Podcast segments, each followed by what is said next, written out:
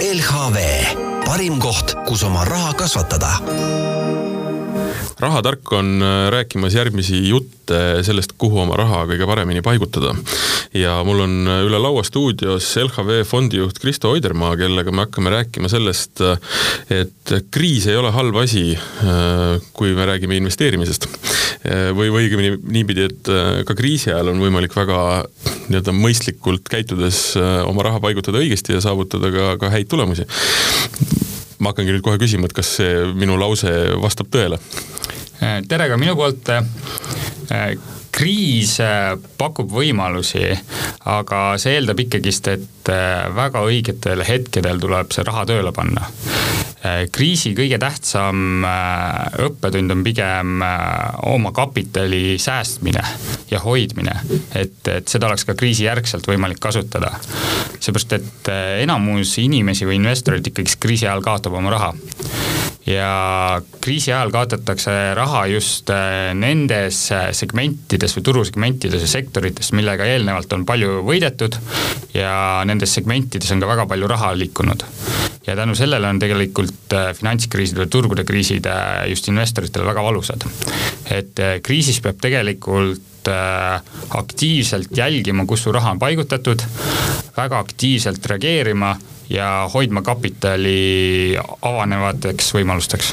ehk et see ongi hästi oluline või võib-olla kõige olulisem äh, nagu märksõna, et et kriisis nii-öelda ei ole mõtet loota kasvule, noh, on kindlasti mingid versioonid või viisid, kuidas seda teha, aga üldiselt äh, peaks tegelikult kogu fookuse panema sellele, et sa jääksid äh, noh, vähemalt nulli, et siis nüüd kriisijärgselt saaks alustada jälle tõusuga? no ütleme, et keskmine investor kindlasti kriisis kaotab raha. et kindlasti on ka kriisis võimalik raha teenida, et äh, kui me vaatame kasvõi hetkel, et äh, noh, hetkel tänast turgude seisu on veel vara kriisiks nimetada, aga on lihtsalt äkiline kukkumine toimunud, siis on äh, aktsiaturgude segmente, mis on nagu väga hästi üles liikunud. mida, millel on olnud võimalik panustada ja, ja see, selle läbi ka plussi jõuda. Aga kui nüüd omada nagu suurt, laia, hajutatud portfelli, siis pigem ikkagist äh, tähtsam on nagu kapitali päästa siit on hea edasi minna selle teemaga, et mis ütleme, olukord hetkel maailmas valitseb, kui me räägime investeerimisest. me jõuame kohe selleni, et me väljusime koroonakriisist või noh, väljume. Ukraina sõda kindlasti on seda mõjutanud, kui me leppisime kokku seda, selle vestluse teemasid, siis sa ütlesid, et tegelikult noh, me ei ole nagu kriisis veel olnudki või et tegelikult tundub, et, et finantskriis võiks olla meist ees, et et kui sa kirjeldaks, et mis olukord täna on, kui me vaatame just nii-öelda investeeringuid ja investeerimist mm? -hmm me tegelikult peaksime natukene võib-olla pikemalt äh, tagasi vaatama, et äh, eelmine majanduslangus lõpp, lõppes kaks tuhat üheksa, ütleme, finantsturgude põhi oli kaks tuhat üheksa märts. Äh, täna on aasta kaks tuhat kakskümmend kaks, ehk siis me oleme kolmteist aastat põhimõtteliselt äh, otsejoones üles liikunud aktsiaturgudel. Äh, millest see on tingitud, see on tingitud eelkõige keskpankade tegevusest, väga palju odavat raha on turgudel liikunud, samas kui vaadata majanduse käekäiku, siis majanduskasv, kasv on pigem olnud suhteliselt aeglane, inflatsioon on pidevalt olnud madal ja, ja siis investorid ongi suunanud väga palju raha sektoritesse ja valdkondadesse, mis vähegi majanduskasvust kiiremini natukene kasvavad. ja seetõttu on tekkinud päris palju mulle Äh, nüüd täna oleme me jõudnud äh, täiesti uude keskkonda. põhimõtteliselt meil on inflatsioon tõstnud äh, pead, inflatsioon on päris kõrgeks liikunud, USA-s oli näiteks, eile avaldati näitajad, et inflatsioon aastases plaanis on kasvanud kaheksa protsenti, Eestis üheksateist protsenti. seda, sellist taset ei ole olnud globaalselt seitsmekümnendatest ja see on nüüd asi, millele keskpangad peavad hakkama väga aktiivselt reageerima, et äh, nad on juba oma reageerimisega hiljaks jäänud ja see on turge ehmatanud. ja tänu sellele on ka tekkimas täiesti uus keskkond, kus keskpankade poliitika enam finantsturge ei toeta. et finantsturud äh, on äh, viimase kümnendiga liikunud väga palju rohkem kõrgemal kui majandus, tava, reaalmajandus ja nüüd me oleme sisenemas pigem uude ajajärku ja mis siis turgudel on äh, esmajoones toimunud, on, et et eelmise kümnendi võitjad ehk siis tehnoloogiasektor on see põhiline kaotaja olnud. et äh, näiteks USA-s on äh, põhiline aktsiaindeks SMP viissada on kukkunud kaheksateist protsenti, NASDAQ kakskümmend kaheksa protsenti. Äh, mõned väga tuntud tehnoloogia nimed on näiteks Netflix on miinus seitsekümmend viis protsenti tippudest, Facebooki omanik Meta miinus viiskümmend protsenti, Uber miinus kuuskümmend protsenti, Nvidia miinus viiskümmend protsenti. ehk siis tehnoloogiasektor on väga palju kaotanud ja tehnoloogiasektorist eelkõige need ettevõtted või aktsiad, mis ei teeni kasumit. et need on äh, täiesti puruks müüdud. Äh, vastupidiselt tehnoloogiasektorile on äh, tõusma hakanud toorainesektor, ehk siis toorainete sektor viimasel kümnendil on pigem niisugune tagasihoidliku tootlust pakkunud. nüüd tänu inflatsiooni peatõstmisele ja ka võib-olla sektorisisestele nõudluspakkumise dünaamika halvale seisule on äh, kõvasti tõusnud nii nafta hinnad, gaasi hinnad, metalli hinnad, teravilja hinnad ja nii edasi ja pigem me olemegi nagu sisenemas uude ajajärki, kus võib-olla investeerimine muutub järgmiseks paariks aastaks. ühesõnaga, me hakkame hindama ikkagi nii-öelda käegakasutavaid asju, et see bluff äh, nii-öelda siis äh, tehnoloogiaga, mis äh, võib-olla on noh, ikkagi paljuski olnud, on, on kuidagi nagu kaduma hakanud. ja teine teema on ka see, et sa mainisid suuri ka nii-öelda kukkumisi just tehnoloogiaettevõtetel, et kas see iseenesest juba turukorrektsioon ei ole? See võib-olla ei saa, nimetaks seda bluffiks tehnoloogia osas, aga et eh, kindlasti seal nagu tehnoloogiaettevõtetel on kindlasti ka toode olemas. lihtsalt eh, hinnatasemed on eh, liikunud paigast ära mm, -hmm. sinna on liiga palju raha korraga peale liikunud, et, et viimasel kümnendil on, oligi portfellis, et kui sul ei olnud Amazoni, Google'it või, või Microsofti portfellis, et siis sa nagu jäid turule alla. seetõttu on ka kõik oma raha sinna suunanud. et tänasel hetkel toimub pigem normaliseerumine selles osas. Ja tänasel hetkel inflatsioonikeskkonnas jah, reaalvarad äh, pakuvad kõige paremat kaitset ja kõige paremat tootlust. sest kui ma vaatan mingisuguseid ka muid fonde, siis äh, väga populaarsed on ikkagi nii-öelda roheline energia, vesi näiteks, erinevad äh, ongi, siis me räägime ka nii-öelda metallid näiteks, eks ju mm -hmm., ja ma ei räägi siin enam ainult kullast, hõbedast ja platinumist, vaid me räägime ka nendest tegelikult toorainetes, millest, mis on kõige olulisemad näiteks mobiiltelefonide tootmises, eks ju, et nii edasi, nii edasi, et et minnakse kuidagi tagasi ka nii-öelda, ma ei oskagi öelda, võib-olla mingil hetkel olnud ebaseksikate või ebapopulaarsete nii-öelda investeerimis nii-öelda toodete juurde. just, et ega seda tooraine kehva tootlust ajalooliselt näiteks seda, et näiteks USA indeksis on kõikide naftaettevõtete koguväärtus on madalam kui Apple'il. aga tänasel hetkel lihtsalt see nõudlus ja pakkumine on eh, nii paigast ära, näiteks kui me võtame äh, energeetiksektori või ütleme otse naftatootjad, et seal on selge, et, et äh, kuna ajalooliselt ei ole väga suuri kasumeid teenitud, siis ei ole ka väga palju investeeritud. ja tänasel hetkel investorid pigem tahavad, et need ettevõtted maksaksid kõrget dividendi, kapitali tagastaks investoritele, mitte ei teeks suuri investeeringuid. tänu sellele ei tule ka uut pakkumist turule, aga globaalselt vaadates rahvaarv kasvab, majandus on ikkagist mingil määral kasvanud, ehk see nõudlus nende toodete järgi on olemas jätkuvalt ka, ka lähitulevikus vähemalt. et ükskõik kui kiire meil see rohe, rohepööre on, ehk siis rohepööre nõuab väga palju näiteks metalle erinevaid. et äh, vaske väga palju, nii tuulikud, elektriautod, kõik. ja kui sul seal äh, ikkagist äh, seda pakkumist ei tule peale läbi selle, et sul avatakse uusi kaevandusi Vase puhul, et siis see hind lähebki ülesse. ja see mõjutab kõiki, et, et kõrgenenud energeetika hind läheb sul toiduainetesse, see läheb eluasemekuludesse ja nii edasi ja see võimendab ja võimendab, nii tekibki inflatsioon. Sa mainisid, et pangad on jäänud hiljaks nii-öelda selle korrektsiooni tegemisega, et mis sa tahaks, et nad teeks või noh, mis, mis, mis sina, aga ütleme, mis see, mis see pilt oleks, et mida nad peaksid tegema, et seda asja ohjata või, või, või äh,? traditsiooniliselt ongi, et äh, kuidas keskpangad äh, reageerivad, on äh, raha pakkumise vähendamine ja intresside tõstmine. aga mis see kõik kaasa toob, üldjuhul on majanduskasvu aeglustamine või isegi majanduslangusse viimine. ja see ongi, mida tänasel hetkel investorid kardavad, et kuna keskpangad on hiljaks jäänud, siis nad peavad intressimäärasid hakkama suhteliselt järsult ja suhteliselt kiiresti tõstma.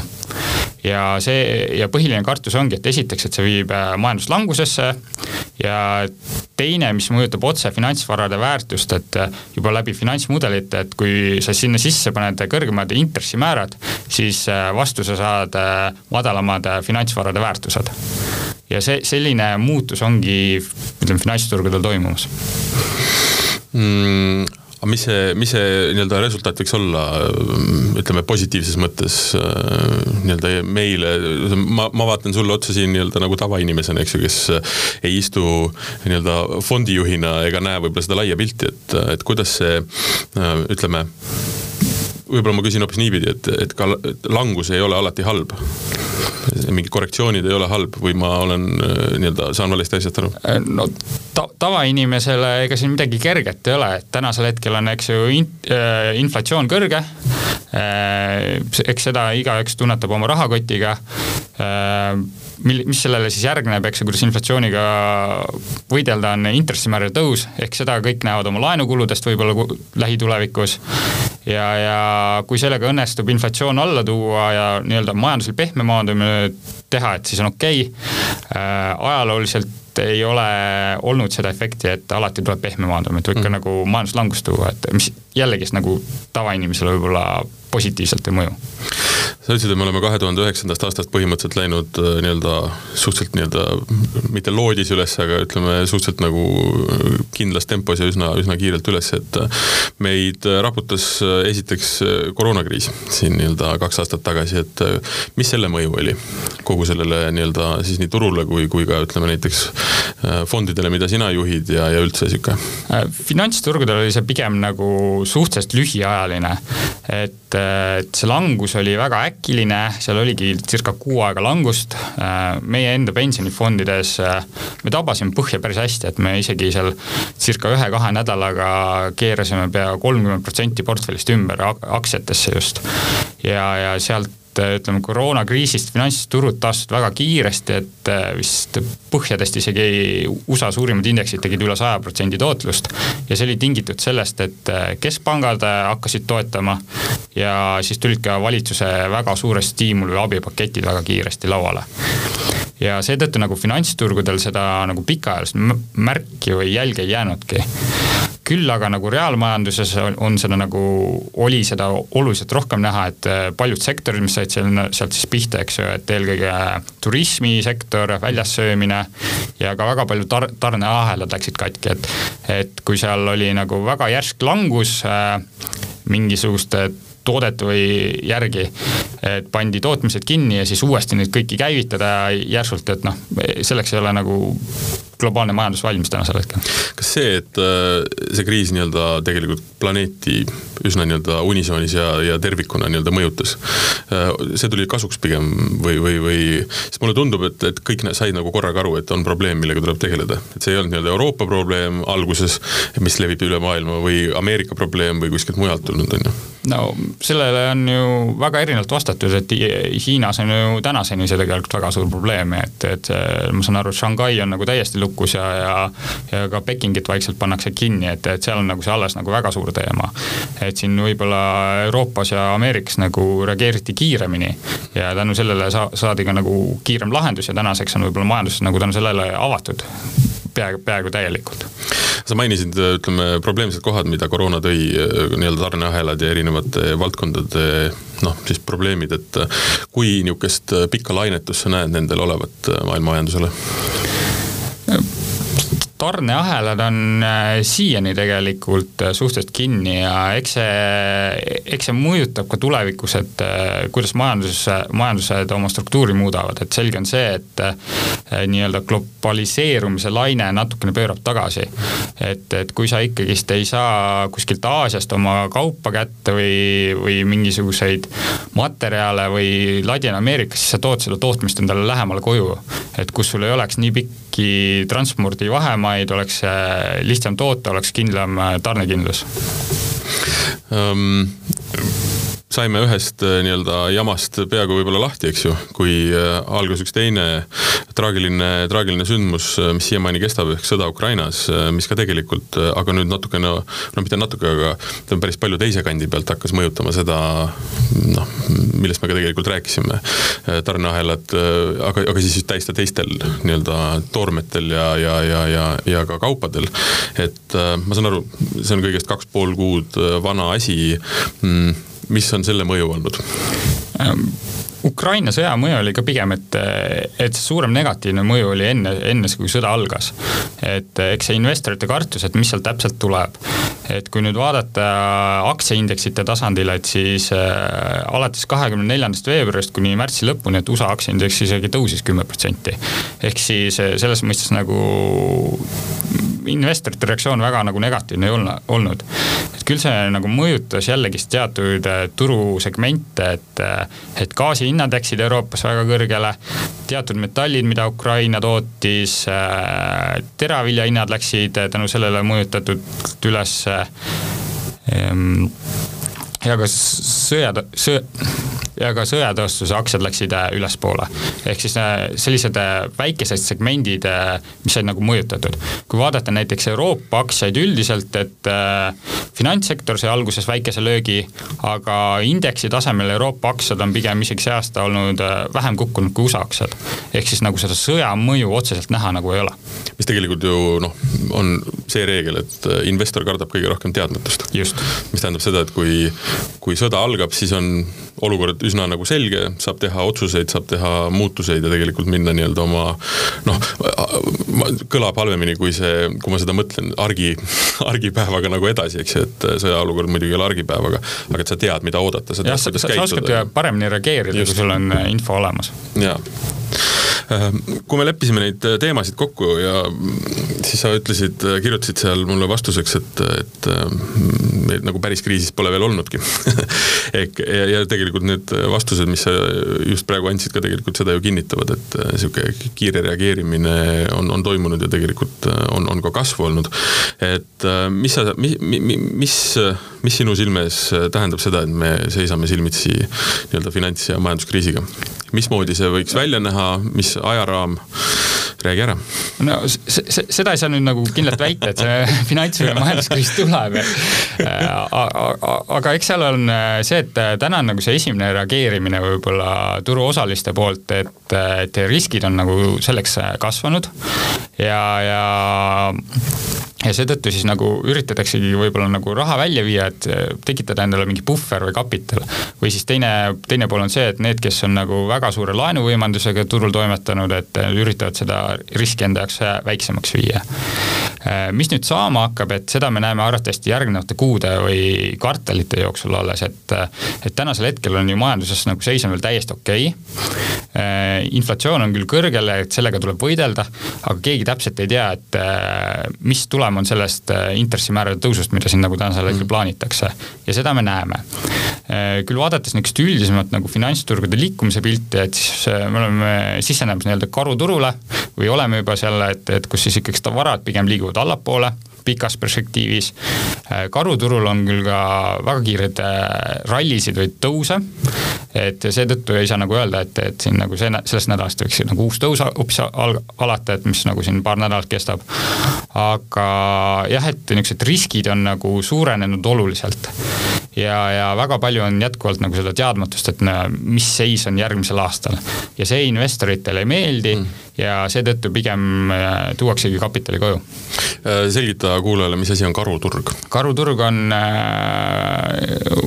ütleme, et su suurem langus aktsiaturgudel, et kus võib-olla miski ei töötagi, et üldjoontes aktsiaturud liiguvadki allapoole, et vastandiks on siis pulliturg, et kus siis aktsiaindeksid liiguvad ülespoole ühesõnaga, mõte on selles, et tegelikult nagu päris hästi aru ei saada, mis põhjus on sellel alla või ülesminekul sa mõtled kar-, karuturul? noh, nii jah. ei, eks, eks karuturul on alati, et mingid kartused on olemas ja, ja kuskil ei lähe hästi ja majandus langeb või mis iganes selle põhjused võivad olla. jaa, lihtsalt nii-öelda olukorrast tingitud äh, läheb lumepall veerema Just. ja, ja hakkab, hakkab see langus toimuma. no vot see kriisis, äh, kriisis olemine ja kriisi investeerimine on üldse selline naljakas asi, et kui sa vaatad nagu globaalselt ringi, siis noh, ei ole ju olukorda, kus äh, elaksime kriisivabalt, eks ju. täna lihtsalt selle paari viimase aasta jooksul on need kriisid meile nagu koju kätte tulnud, eks ju. Nad on nagu meid puudutanud, et ega nii sõda kui erinevad pande-, noh, pandeemiat võib-olla mitte nii konkreetselt, aga igasugused nii-öelda negatiivsed sündmused on kogu aeg igal pool toimunud. et ähm, kui nüüd võib-olla väga minna vaada, vaatama sellesse, et kuidas seda vorsti nagu tehakse, ehk seda investeerimist tehakse, et mis see kriisis äh, nagu investeerimine siis tähendab, et, et noh, me alustuseks rääkisime sellest, et mõte on säilitada nii-öelda seda, mis sul on. et loota kasvu võib-olla niisugusel pikaajalisel ja ütleme ka ütleme konservatiivsel investoril ei ole nagu mõtet, see ei ole ka eesmärk, eks ju. aga et kuidas see peaks nagu käima, noh, ütleme, ma saan aru, et, et sa tahad kohe öelda, et tulge, tulge nii-öelda fondi juurde, et me lahendame teil kõik mured aga et ütleme, kui noh, ma tahaks täna hakata nii-öelda, vaatan oma portfelli üle, et, et mismoodi ütleme kriisis äh, käituma peaksin. esiteks, eks seal tuleb nagu aru saada, et äh, mis see kriis on või millest see tingitud on ja mis need lahendused on. et äh, nagu sa mainisid, siin ka viimase nagu paari aasta jooksul on olnud nii-öelda väiksemaid kriise finantsturgudel, aga seal on nagu väga lihtne valem olnud, et kuna nagu keskpangad on alati tulnud appi, eks ju, et kas tulnud uue rahatrükiprogrammiga või siis ka nagu riiklikud nagu stiimulpaketid, et siis need on alati nagu ostukoha tulnud. mis tänasel hetkel ongi, et, et kui ka siin ütleme, suurem jõnks turgudel alla käib, siis kuna inflatsioon näiteks USA-s on kaheksa protsenti, et siis keskpangad ei saa tegutseda tegelikult. Nad ei saa kohe päästma tulla, kuna nad peavad esiteks võitlema inflatsiooniga. et selle võrra nii-öelda tänane kriis võib-olla erineb mingil määral nagu eelmistest kui me oleme kriisis aga eks see on nagu kriisi, kriisi tasandil ongi, et esimene lüke on, äh, alati peab äh, kahjum kiiresti välja võtma.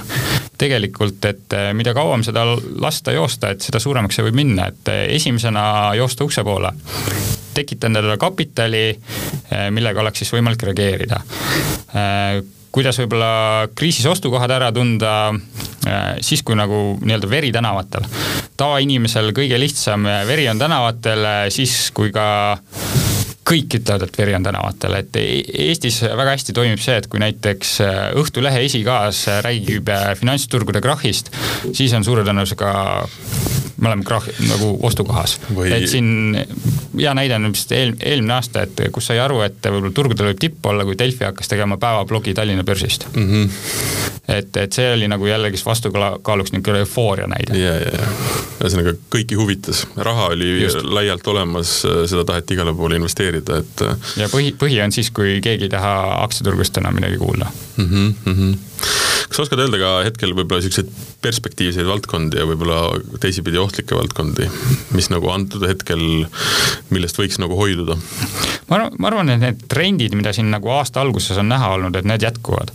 ehk siis äh, tooraine sektori nimed on kindlasti huvitavad äh,. tooraine sektori siseselt muidugi peab äh, hästi valiv olema, seepärast et kui vaadata, kus on nagu enamus, enamik kaevandusi või siis ka ütleme, nafta pumpamiskohti, et ega seal on väga suur poliitiline risk olemas. et, äh, et vaadata, et läbi selle ei kaotataks raha ja, ja eks seal on tehnoloogiasektoris on jätkuvalt veel õhku sees. et kindlasti sinna on nii palju lihtsalt raha liikunud ja kui see hakkab tagasi tulema, siis see väljumine sellest sektorist kestab oluliselt kauem. et samas näiteks kui vaadata ka indeksite tasem, tasemel, et kui suureks on tehnoloogiasektor muutunud USA SNP viissada indeksiks. et see on väga suureks muutunud ja ta on ajalooliselt, see kontsentreeritus võib-olla selle indeksi tasemel on olnud väga suur. et selle võrra me näeme ka võib-olla indeksis nagu liikumise mm. allapoole um,.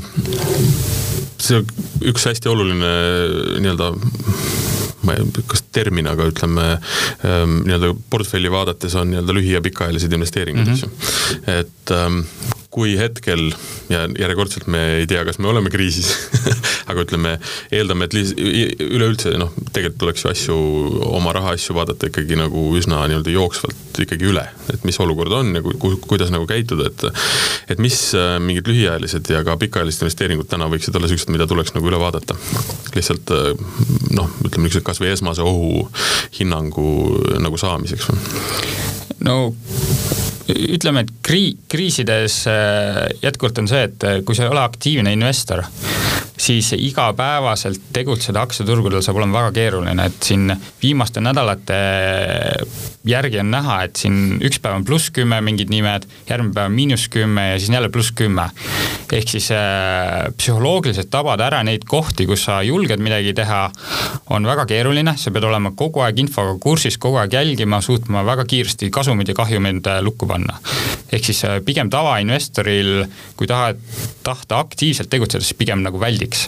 et kui sa oledki pikaajaline investor, kes on võtnudki sellise suhtumise, et ma panengi iga kuu raha kõrvale, ei tasu midagi muuta mm. -hmm. aga kahjuks selliseid pikaajalisi investoreid on väga vähe, enamus ikkagist alustavad tipus ja lõpetavad turu põhjades. seepärast, et neil on kaotused lihtsalt nii suured. aga kui läbi nagu tsükli pikalt teha, midagi ei muutu nüüd, äh, mis võib-olla pikaajaliselt sellistes kriisides hästi toimib, mida on ka meie endi nagu portfellis palju, on, on kulda. Äh, kuld esiteks on. ka kahe tuhande kahekümne teisel aastal. just mm, -hmm. kuld on äh, vara, kuhu investorid äh, sellise teadmatuse või kriisiolukorras alati jooksevad. ja, ja nüüd, kui me räägime ka täna ka inflatsioonilisest keskkonnast, mida viimati oli seitsmekümnendatel, siis kuld ka sellel perioodil väga hästi pakkus tootlust ehk siis tänaseks näiteks meie enda suurimates fondides on kulda circa kolmteist protsenti, et ta on nagu pooleks jaotatud, et osa on nagu ühes fondis, mis omabki füüsilist kulda kuskil Šveitsi varahoidlates ja, ja teine pool on siis kullakaevandajad, kes on nagu börsil olemas. see on ikka suht märkimisväärne number ju ta, kullal on väga hästi läinud tootluses mm -hmm. viimase paari kuu jooksul ja eks ta tänu sellele on nagu kerkinud ka. et eks meil on, meil on ka portfelli jaotuses veidikene börsiaktsiaid ja et osad börsiaktsiad kaotavad, kuld selle võrra suureneb, et tänu sellele selle osakaal on kerkinud. see on selles mõttes huvitav, et äh, me võime rääkida siin innovatsioonist ja tohututest tehnoloogiaettevõtetest, aga päeva lõpuks äh, noh, kuld, mets ja mingisugused konkreetsed asjad, mis tagavad kõike seda, seda pulli, milles me, millest me täna räägime, eks ju, ja milles me elame, et et, see on tegelikult naljakas, et ei ole, ei, ei ole tegelikult mitte midagi muutunud. just, et ega ongi, et tavainimesel võib-olla ongi kõige lihtsam reaalvarad, et kui on inflatsioon kõrge, reaalvarad liiguvad, ütleme, kaitsevad inflatsiooni eest. et tänasel hetkel, kui me võtame kinnisvara näiteks lahti, et, et inflatsioon on kõrge, mida kõrge inflatsioon kinnisvaras teeb, on äh, see, et äh, üüre või rente indekseeritakse inflatsiooniga. Äh, sa saad, ütleme, see aasta üüri, üüritaset tõsta. Ehitushind on kasvanud, Eestis räägitakse circa kakskümmend protsenti. ehk siis kõik uued hooned, mis tulevad, on oluliselt kallimad, kui sul on näiteks kvaliteetvara, et sa oled juba oluliselt paremini positsioneeritud Äh, mida, mis on võib-olla selle inflatsiooni nagu siis pikaajalisem efekt kinnisvaral on see, et äh, kui intressid tõesti tõusevad, äh, hästi palju kinnisvara on kaetud laenudega, siis laenukulu läheb üles, mis vähendab tootlust. ja teiseks on, et kõrgete intresside keskkonnas võivad hakata ka investorid kõrgemat tootlust nõudma, mis omakorda tähendab varahindade langust et see on muidugi nüüd nagu väga pikk perspektiiv, hetkel näeme, et kinnisvaras nagu see inflatsioon on positiivselt mõjumas. sama on ka metsa puhul, et ütleme, puiduhinnad on väga palju tõusnud käesoleval aastal. viimase aasta lõikes on ka metsamaa hinnad väga hästi liikunud. meil endal portfellis on nii kinnisvara kakskümmend protsenti lausa, et, et väga hästi kaitsnud meid praegusel hetkel võib-olla see ei ole selle saate teema, aga kui vaadata nüüd noh, ütleme veel ühte valdkonda, mis tegelikult vist siin paari viimase päeva jooksul on saanud üsna jõuliselt pihta, on nii-öelda krüpto, krüptoraha. et et mina, ma saan aru siis, kui see nii-öelda langus algas, veel seda tähele ei pannud, aga, aga eile oli see nii-öelda juba kõikidel huultel, eks ju, et et see on veel üks selline, no see on jälle huvitav asi, et ma kahtlustan, et ma, et sa siin ei paranda mind, kui ma ütlen, et see on ikkagi bluff.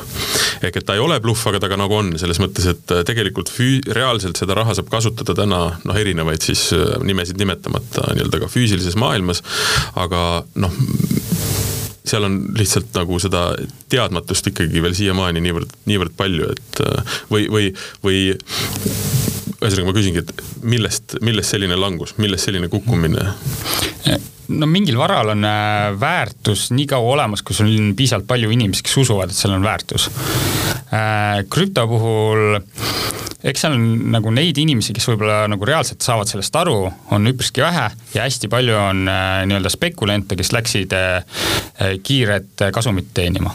enamasti tõenäoliselt ka üleval ja nii-öelda tipus ja nüüd on no, no see on tavaline, et ja. sisenetakse tippudes mm -hmm. ja ongi, et kui seal tekib järsem langus, siis tekibki see lumepalliefekt, et need kiire kasumiteenijad hakkavad äh, kas-, kas-, kahjumeid kinni panema ja nii see liigub. turult kiiresti lahkuma. ja see juhtubki eriti olukorra, olukordades, kus ei saada aru, kuhu sa oled raha pannud mm., mis selle nagu alus või reaalne väärtus üldse võib olla ja see on puhas investorite psühholoogia, ütleme.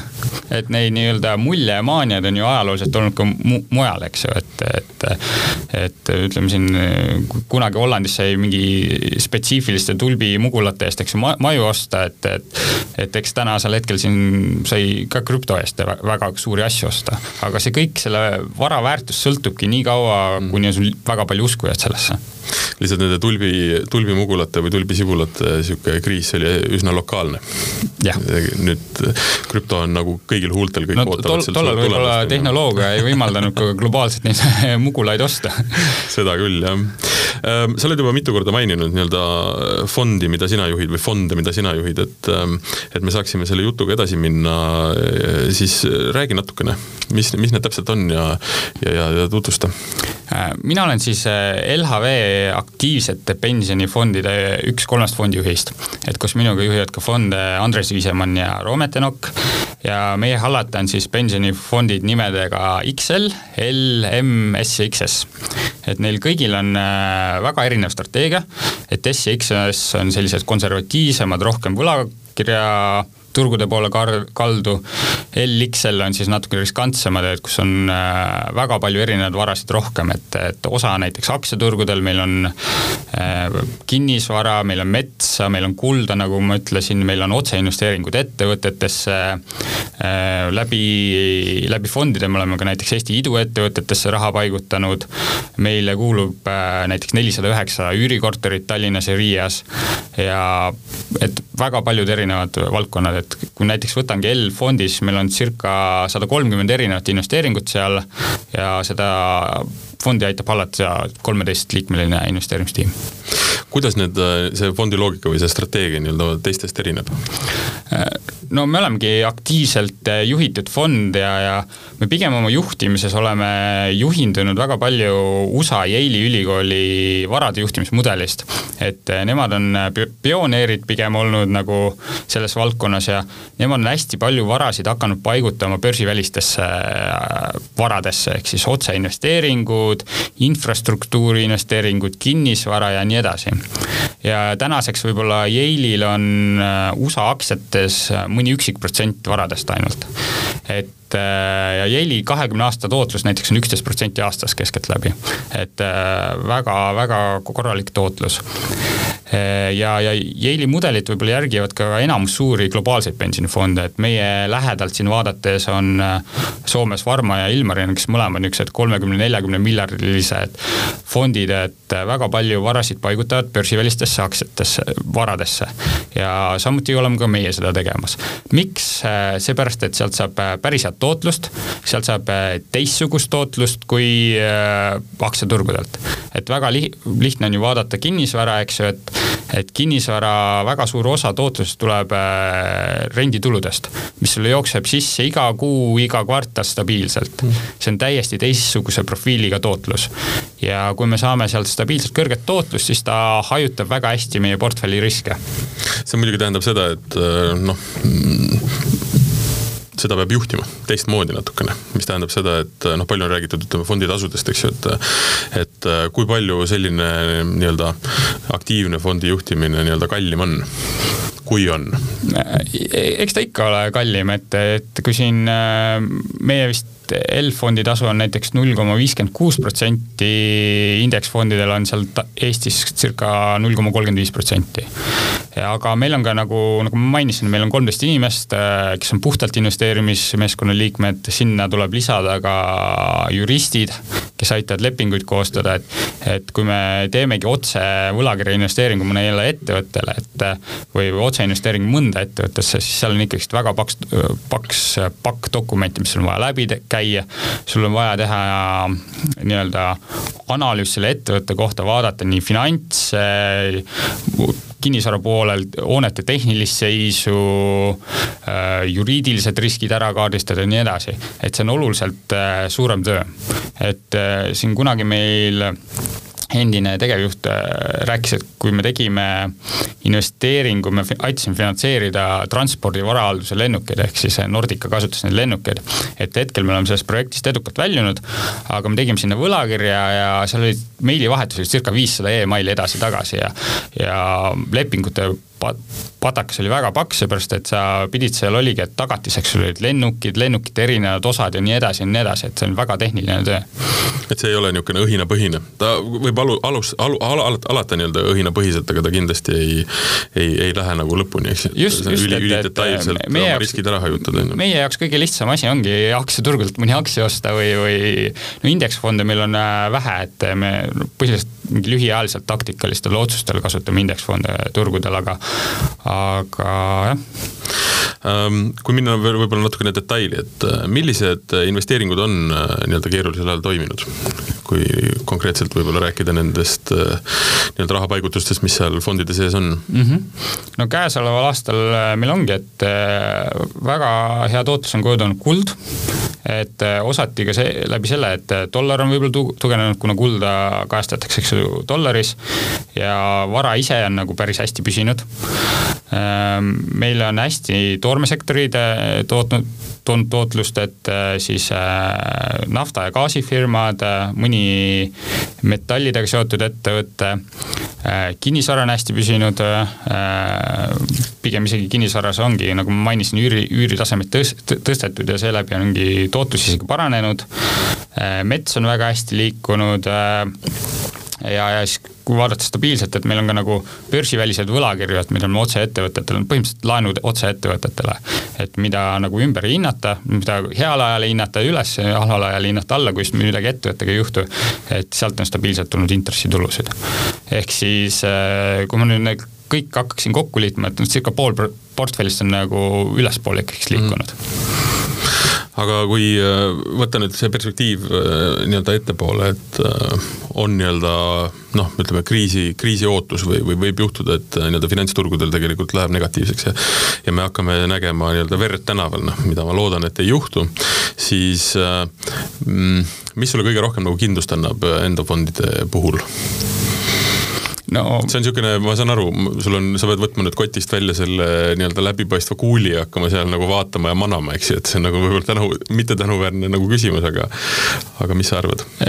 eks, eks iga võib-olla võimalik finantskriis on erinev, et, et, et sa kunagi ei tea, mis seal nagu täpselt töötab. keeruline ka valmistuda. just, et, et eks meid võib-olla päästabki see, et me ei ole nagu ainult investeeritud aktsiaturgudele, et mm, -hmm. et et kui ma vaatan tänasel hetkel äh, meie suurima fondi L portfelli, et seal aktsiaturgude osakaal osakaal on circa viisteist protsenti ainult kogu portfellist. Mm.. et, et seal loodetavasti on äh, palju teisi varasid, mis aitavad vältida seda langust aga teisipidi aktsia tõenäoliselt on ka see, mis nii-öelda kõige kiiremini tagasi põrkab, eks ju. just, et e, eks me oleme selleks ka valmis, et eks me oleme varunud äh, raha, mida me oleme võib-olla lühiajalistesse võlakirjadesse pannud, selleks, et kui tekib äh, parimaid ostukohti, et siis me saame ka nagu siseneda.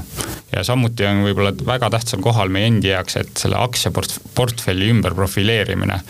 ehk siis meil tehnoloogiasektorit praktiliselt üldse ei ole tänasel hetkel, ei ole ka pikalt olnud ja, ja nii-öelda to-, toormeturgudele me hakkasime positsioone soetama juba eelmise aasta suvest. natuke oleme võtnud ähm, Euroopa panganduses positsioone kuna mida intressimäärade tõus tähendab, ongi, et äh, pankade kasumid peaksid nagu suurenema. niikaua, kuni siis laenukahjumid nagu peale tulevad.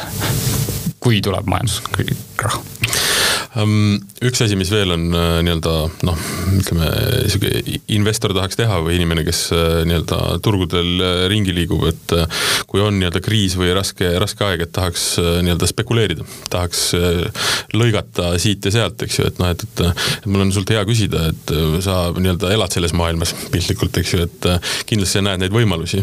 et noh, pensionifond vist ei ole päris õige koht, kus nii-öelda sellega teha, sellise spekulatsiooniga tegeleda.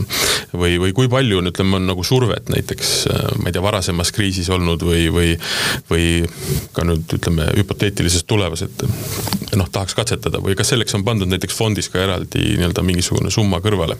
Äh, ei ole, et äh, meie pensionifondide nagu eesmärk ikkagi meil alati on, et, et meil on sada tuhat pensionikogujat, eks ju, minu vastutada, et, et nende rahaga ei saa teha lollusi, et meie eesmärk on ikkagist esiteks mitte seda raha kaotada. et kui inimene kunagi pensionile läheb, et siis tal peab midagi seal olema. Teine eesmärk on siis nagu tootlust teenida sinna. et seetõttu nagu pensionifondides kindlasti lollusi ei tehta ja kui me siin nagu varade allokatsiooni muudame, et ega see ei ole nagu niisugused suured muutused. et nagu ma ütlesin, et see eelmise aasta või kaks tuhat kakskümmend koroonakriisis suur portfelli ümberpööramine, et et see oli lihtsalt tingitud, et turuolukord oligi lihtsalt selline ja sa nägid võimalust ja meil tol hetkel oli palju raha. mis see suur nii-öelda ümberpööramine tähendas no, protsentides? Meil oligi laias laastus peaaegu kolmkümmend protsenti varadest, mis meil oli lühiajalises võlakirjas, me liigutasime aktsiaturgudele tol hetkel ja. mis on ikka päris suur, päris suur number jälle, kolmandik ikkagi kogu varast, eks ju? jah, aga tol hetkel oli see võimalus, seepärast et meie jaoks oli aktsiaturgudel väga kõrgele liikunud, me olime äh, palju raha nagu tolleks hetkeks nagu kõrvale pannud um võib-olla tuleme sealt fondi juurest nüüd konkreetselt välja, sest et äh, see pensioni nii-öelda noh, ütleme kogumine ongi täpselt selline pikaajaline tegevus ja, ja ütleme, kogu see, kogu süsteem on ju üles ehitatud selleks, et sa ei peaks noh, ütleme piltlikult öeldes väga palju sellele mõtlema ja jätkad kogumist. see ongi sinu ülesanne, et sa tegelikult ei, ei, ei näpi ega, ega kogu aeg ürita nii-öelda kuskilt võita. aga kui nüüd ähm, ma küsin nii-öelda fondiväliselt, et, ähm, et kuhu peaks täna konkreetselt raha panema? Ma arvan, sa oled selle juba umbes seitse korda ära öelnud, et äh, kulda ja, ja, ja, ja, ja erinevaid muid nii-öelda füüsiliselt kasutavaid asju. ma, ma, ma, ma usun, et siin, äh, kui vaadata nüüd ühte aastat ette, et ma usun, siin neid ostuvõimalusi tekib nagu üldisel tasandil nagu oluliselt paremaid. Et indeksitele, kui ka vaadata mingisugust viie aasta perspektiivi, et, et sinna on ikka ajalooliselt nii palju nagu raha voolanud, et see hinnatase on nagu püsivalt veel kõrge, et seal nagu seda normaliseerumiseks või allatulekuks seda ruumi on.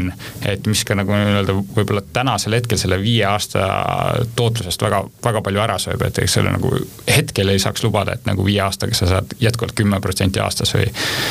et, et lühiajaliselt jah, toorained, kuld, reaalvarad, kinnisvara, mets, kõige paremad võib-olla.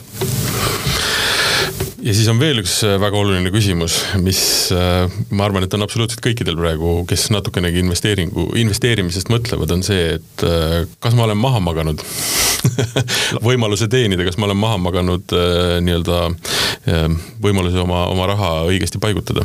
Äh, võimalused teenida, et äh, maha on magatud võib-olla võimalus väljuda äh, ei te,, ei tegelikult noh, väga raske nagu finantsturgudel ette vaadata, et mis täpselt saama juhtub, et, et mis kui võtta väga positiivne stsenaarium ja öeldagi, et inflatsioon ise kuidagi ära langeb siin tänasel hetkel, mis iganes sõjaolukordade lõpud ja nii edasi, mis võivad selle pehmendada, et et meil võib ka kõik ilusti edasi minna nagu samas rahulikus tempos.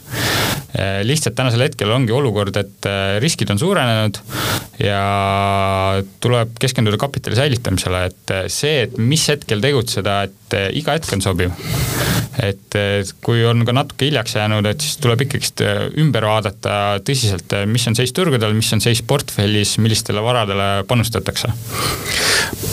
Mis on oluline küsimus tegelikult veel, on see, et sa räägid äh, ja mainisid seda äh, hästi olulist asja, et tuleb äh, nii-öelda tegutseda selle nimel, et säilitada oma siis nii-öelda vara, eks ju. nii-öelda ükskõik, mis vormis ta on, eks ju, et võiks väljuda või olla teda sama palju, et nii-öelda järgmisel hetkel siis oleks, mida investeerida ja kuhu, mille, millest nagu kasvu uuesti tekitada.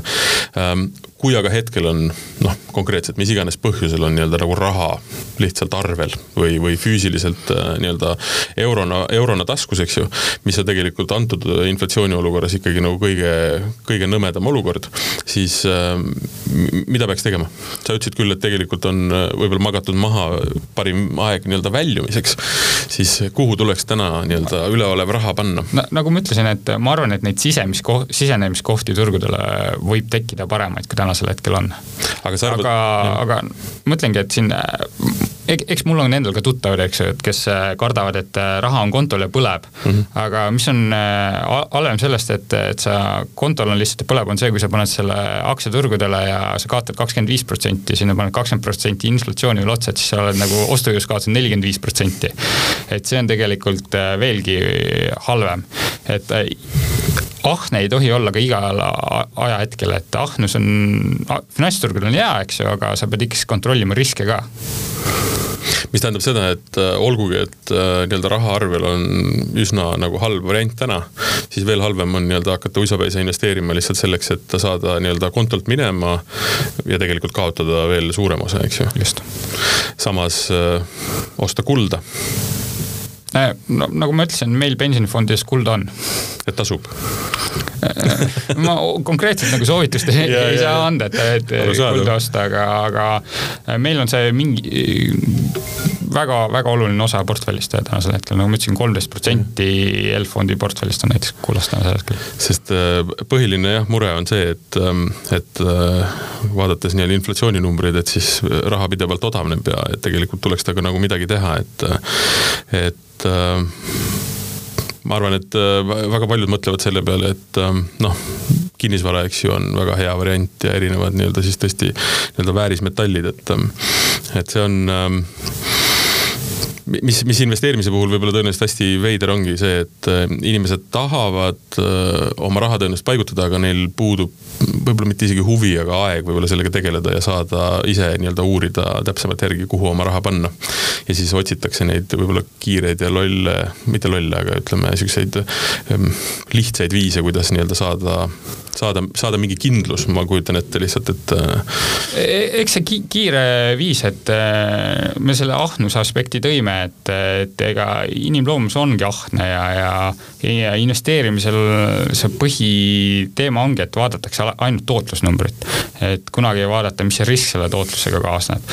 ja, ja mida kõrgemat tootlust sulle lubatakse või mida kindlamat kõrgemat tootlust sulle lubatakse, seda suurem, suure tõenäosusega risk. et sellega peab alati arvestama, et, et kohati mõnes tegevuskeskkonnas on madalama tootlusega, madalama riskiga finantsvara oluliselt parem. et eh, jah, et igale ajahetkel ei tasu nagu suurelt riskida.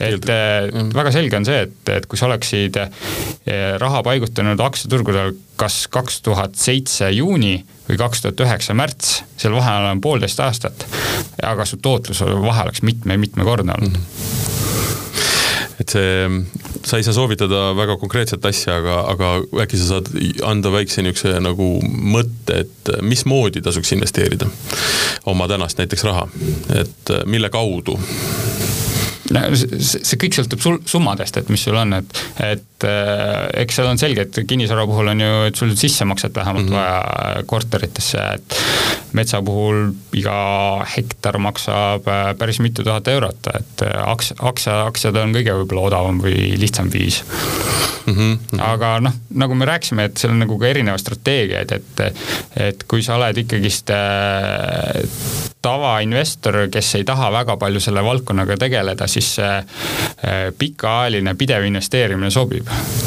aga siis ongi, et ega seda summat, mis, kui on suurem summa kontol täna, et seda ei pea ju paigutama nagu kohe ühe, ühe nädalaga ära, et et seda saab paigutada siin terve järgmine aasta või järgmised kaks aastat niimoodi väikeste summadena üks asi, mis võib-olla veel on äh, nii-öelda niisugune huvitav äh, lähtepunkt olnud päris mitmes nii-öelda jutus, mis ma olen rääkinud äh, raha paigutamise osas, on see, et et tuleks paigutada raha nendesse valdkondadesse, millesse sa usud. mis on iseenesest noh, omaette juba natukene niisugune dissonantsiga, et sa, et noh, et kui sa ei vaata nii-öelda tootlusi või, või, või nii-öelda reaalset olukorda, siis tegelikult sa annadki kellelegi raha ära lihtsalt, eks ju. aga et kui palju peaks olema nii-öelda selles äh, niisuguses ähm, kaines loogikas see, et sa toetad enda maailmavaatest äh, lähtuvalt asju või tegelikult nii-öelda rahaga toimetades peaks see jääma kõik nii-öelda kuskile selja taha? see, see, see, see isegi ei ole, et asjadesse, millesse sa usud, vaid see on asjadesse, millest sa tead. Ja, ja see eelis on sealt see, et, et kui nende varade väärtused liiguvad üles-alla, siis sa saad aru, et mis seal toimub. et äh, noh, sinuga rääkisime enne veinidest, et, et äh, kui veinipudeli hind tuleb sul, eks ju, kuskil viiskümmend protsenti alla, siis sa saad aru, et see on jätkuvalt hea vein ja sa ei löö põnnama, sa võib-olla ostad selle mm. -hmm. et sama on võib-olla minul näiteks aktsiaturgude puhul, kellelgi kinnisvarainvestoril kinnisvara puhul. et äh, ta saab aru, mis on toimunud, millest see on tekkinud ja ta saab aru, kas see on ostuvõimalus või ei ole. ühesõnaga, sa suudad näha nii-öelda, mis nurga taga toimub, eks ju, mis on järgmine liikumine ja sa oskad selle üle reageerida, kuna sa tunned olukorda, eks ju. just, et äh, see ongi kõige tähtsam, et sa saad aru, mis on toimunud ja, ja mis võib tulla veinidesse investeerimise puhul me rääkisime seda saateväliselt, äh, mulle meeldib üks asi veel, et äh, isegi kui ta kaotab, mis sa ütlesid, viiskümmend protsenti, siis lõppkokkuvõttes on üks ülisuur positiivne asi selles veel, see vein on sul alles. ja selle sa saad nii-öelda üksi või, või noh, ma eeldan, heas seltskonnas alati nii-öelda lõbusalt ära juua no kui sul on hajutatud portfell, siis äh, e-, e-, ega seal kõik asjad ka pankrotti ei lähe ikkagist, et midagi ikka jääb alles. aga ei, ma usun, et pikaajaliselt ikkagist investorid jäävad plussi, et, et kriisid on üldjuhul on ikkagist lühiajalised ja, ja me räägime siin äh, aastasest, kahesest, kaheaastasest perioodist. nii et tegelikult äh, kriis kui selline noh, me seda ei saagi muud moodi vaadata, ta on mööduv nähe. et tegelikult, äh, kui sa vaatad ja noh, ütleme pikaajalise investeeringu puhul vaatadki kümme või kakskümmend aastat ette, et siis need on lihtsalt mingisugused äh, faasid selles ja, ja tegelikult tulebki seda pikka perspektiivi nii-öelda vaadata ja e, ja, ja üld, üld, üldiselt, äh, kui fond on hästi majandatud, siis tegelikult noh, ei saa kunagi garanteerida, aga aga noh, ikkagi kasv on üsna, üsna noh, jälle ma ei taha öelda kindel, aga, aga e, e, võib-olla eeldatav siis mm. -hmm Kristo, aitäh sulle! Oli väga põnev vestlus, ma loodan, et äh, ka kuulajad said natukene teada, mis äh, LHV fondides toimub, äh, kuidas on raha paigutatud ja et noh, et see, et seal nii-öelda võib-olla tasud kõrgemad, ma ei tahaks seda üldse kuidagi rõhutada, tähendab seda, et seal on inimesed, kes sellega tegelevad ja tegelikult nii-öelda nagu sa, Kristo, ka ütlesid, saja tuhande inimese sääste siis nii-öelda noh, ütleme siis, siis kasvatavad. ja, ja, ja, ja kuna ikka nende inimeste eludega ei saa mängida, siis tehakse seda konservatiivselt, aga, aga, aga nii, et lõppkokkuvõttes oleks rohkem jah, jah, eks me loodame jätkata sama sa,, sa, samas vaimus ja, ja ja kui ka tuleb siin kriis ette, et ka neist edukalt välja tulla.